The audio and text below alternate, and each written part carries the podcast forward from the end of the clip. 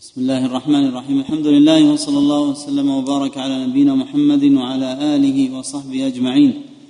أما بعد ففي هذا اليوم التاسع عشر من شهر جماد الأولى لعام أربعة وثلاثين وأربعمائة وألف ينعقد المجلس السابع في شرح كتاب الورقات للإمام الجويني رحمه الله تعالى لمعالي شيخنا الشيخ الدكتور يوسف بن محمد الغفيص حفظه الله تعالى في جامع عثمان بن عفان رضي الله عنه بحي الوادي بالرياض. قال رحمه الله تعالى والأمر بإيجاد الفعل أمر به وبما لا يتم الفعل إلا به كالامر كالأمر بالصلاة فإنه أمر بالطهارة المؤدية إليها وإذا فعل, وإذا فعل خرج عن العهدة. يدخل في خطاب في خطاب الله تعالى المؤمنون والساهي والصبي والمجنون. نعم الحمد لله رب العالمين وصلى الله وسلم على نبينا محمد وآله وأصحابه أجمعين. هذه المسألة من مسائل الأمر. قد تكلم أبو المعالي رحمه الله عن مسائل الأمر وما يقتضيه من الفور أو التكرار كما سبق وما يقتضيه من حيث الأصل. هذه مسائل سبق بحثها. ثم ذكر هنا مسألة أن ما لا يتم الواجب إلا به فهو واجب. ما لا يتم الواجب إلا به فهو واجب. ومثل لذلك بمثال الطهارة. فإن الأمر بالصلاة يقول أمر بالطهارة لأن الصلاة لا تصح ولا تشرع ولا يجوز الدخول فيها إلا بطهارة فحيث أمر بالصلاة فهو أمر بالطهارة لأنه لا يتأتى هذا الواجب إلا بهذا الواجب. وهذا القدر من النظر والمسألة قدر مسلم وإن كان الدرجة من الاتصال بين هذا الذي يقدر منفكا ويقدر شرطا أو واجبا في هذا الواجب الذي وقع به الخطاب. هذا من حيث التطبيق يقع عليه اختلاف. والمثال الذي ذكر مثال مسلم أن الأمر بالصلاة لا بد فيه من الأمر بالطهارة لأن الصلاة لا تصح إلا بها. فإذا أمر بالصلاة تضمن الأمر بالطهارة تبعا لأن الصلاة لا تقع إلا كذلك.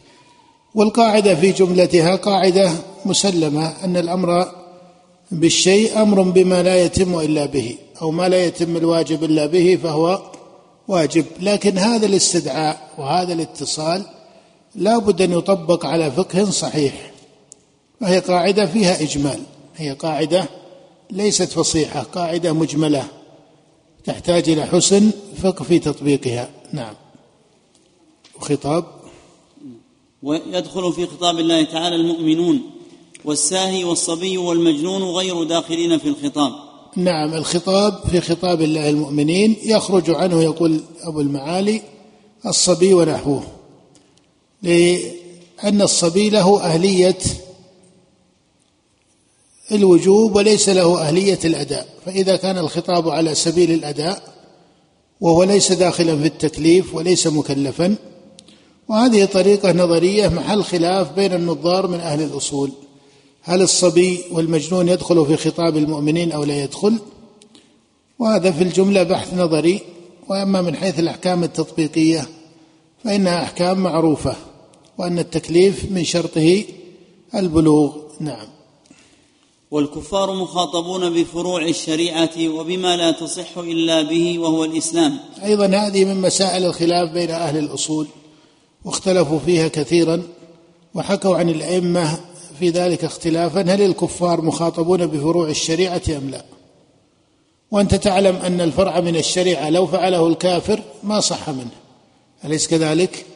لأن من شرط كل شريعة دون الأصل أن يكون هذا مبنيا على أصل الإيمان وأصل الدين وأصل التوحيد. وإنما هل هم مخاطبون بفروع الشريعة أو ليسوا مخاطبين؟ بعضهم رتب على ذلك من جهة أحكام الحدود من جهة أحكام الحدود. لأن الخلاف في المسألة مشهور وبعضهم يقول إنه خلاف لفظي ليس له ثمرة. وبعضهم رتب له ثمرة كما في مسائل الحدود. نعم. لقوله تعالى ما سلككم في سقر قالوا لم نكن من المصلين. نعم. والأمر بالشيء نهي عن ضده أيضا هذه من المسائل النظرية التي كثر فيها النزاع. هل الأمر بالشيء نهي عن ضده أو ليس نهيا عن ضده؟ وفيها طريقتان للنظار. منهم من يقول إن الأمر بالشيء نهي عن ضده وهذا هو المشهور عند أكثر المتكلمين. ومنهم من يقول إن الأمر بالشيء لا يستلزم النهي عن ضده وهذا قول وهذا قول طائفة من النظار. نعم. والنهي عن الشيء أمر بضده. النهي والنهي استدعاء الترك بالقول ممن هو دونه انتهى أبو المعالي من ذكر مسائل الأمر ثم ذكر النهي وأحكامه. نعم. والنهي؟ والنهي استدعاء الترك بالقول ممن هو دونه على سبيل الوجوب. لمن هو دونه كما سبق في الأمر فإنه قال لمن هو أعلى منه. فيكون الأمر من الأعلى إلى الأدنى يكون الأمر من الأعلى إلى الأدنى. وضرب له مثالا بأمر السيد لعبده فإنه يسمى أمرا. على سبيل الوجوب وعلى سبيل اللزوم وهذا هو الأصل في النهي. ولهذا جعلوا الأصل فيه أن النهي يقتضي التحريم أن النهي من حيث الأصل عند الجمهور يقتضي التحريم. نعم. ويدل على فساد المنهي عنه. هل النهي يدل على الفساد؟ أيضا هذه مسألة فيها خلاف مشهور بين النظار والراجح أن النهي لا يدل على الفساد أو بعبارة أدق بعبارة أدق تقول ماذا؟ أن النهي لا يستلزم الفساد. الراجح أن النهي لا يستلزم الفساد. فقد يقع النهي ويكون فاسدا ويقع النهي ولا يكون فاسدا. ومن مثاله قول الله جل وعلا وأحل الله البيع وحرم الربا فالربا منهي عنه أليس كذلك؟ والعقد فيه عقد فاسد العقد فيه عقد فاسد. ولكنك إذا جئت إلى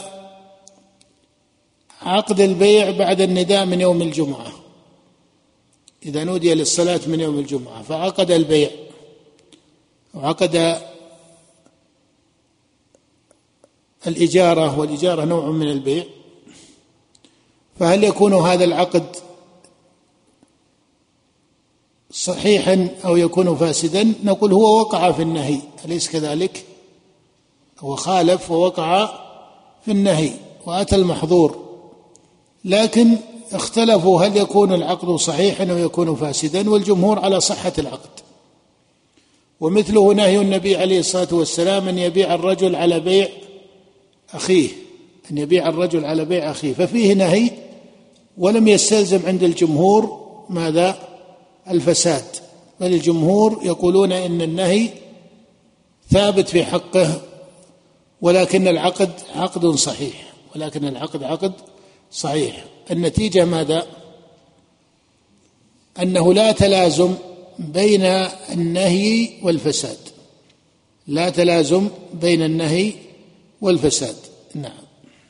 وترد صيغة الأمر والمراد به الإباحة أو التهديد أو التسوية أو التكوين. تأتي الصيغة في الأمر ويراد به الإباحة. كما في قول الله جل وعلا وإذا حللتم فاصطادوا فهذا أمر واليراد به الإباحة. نعم. العام والخاص. نعم قف على هذا وبالله التوفيق وصلى الله وسلم على نبينا محمد.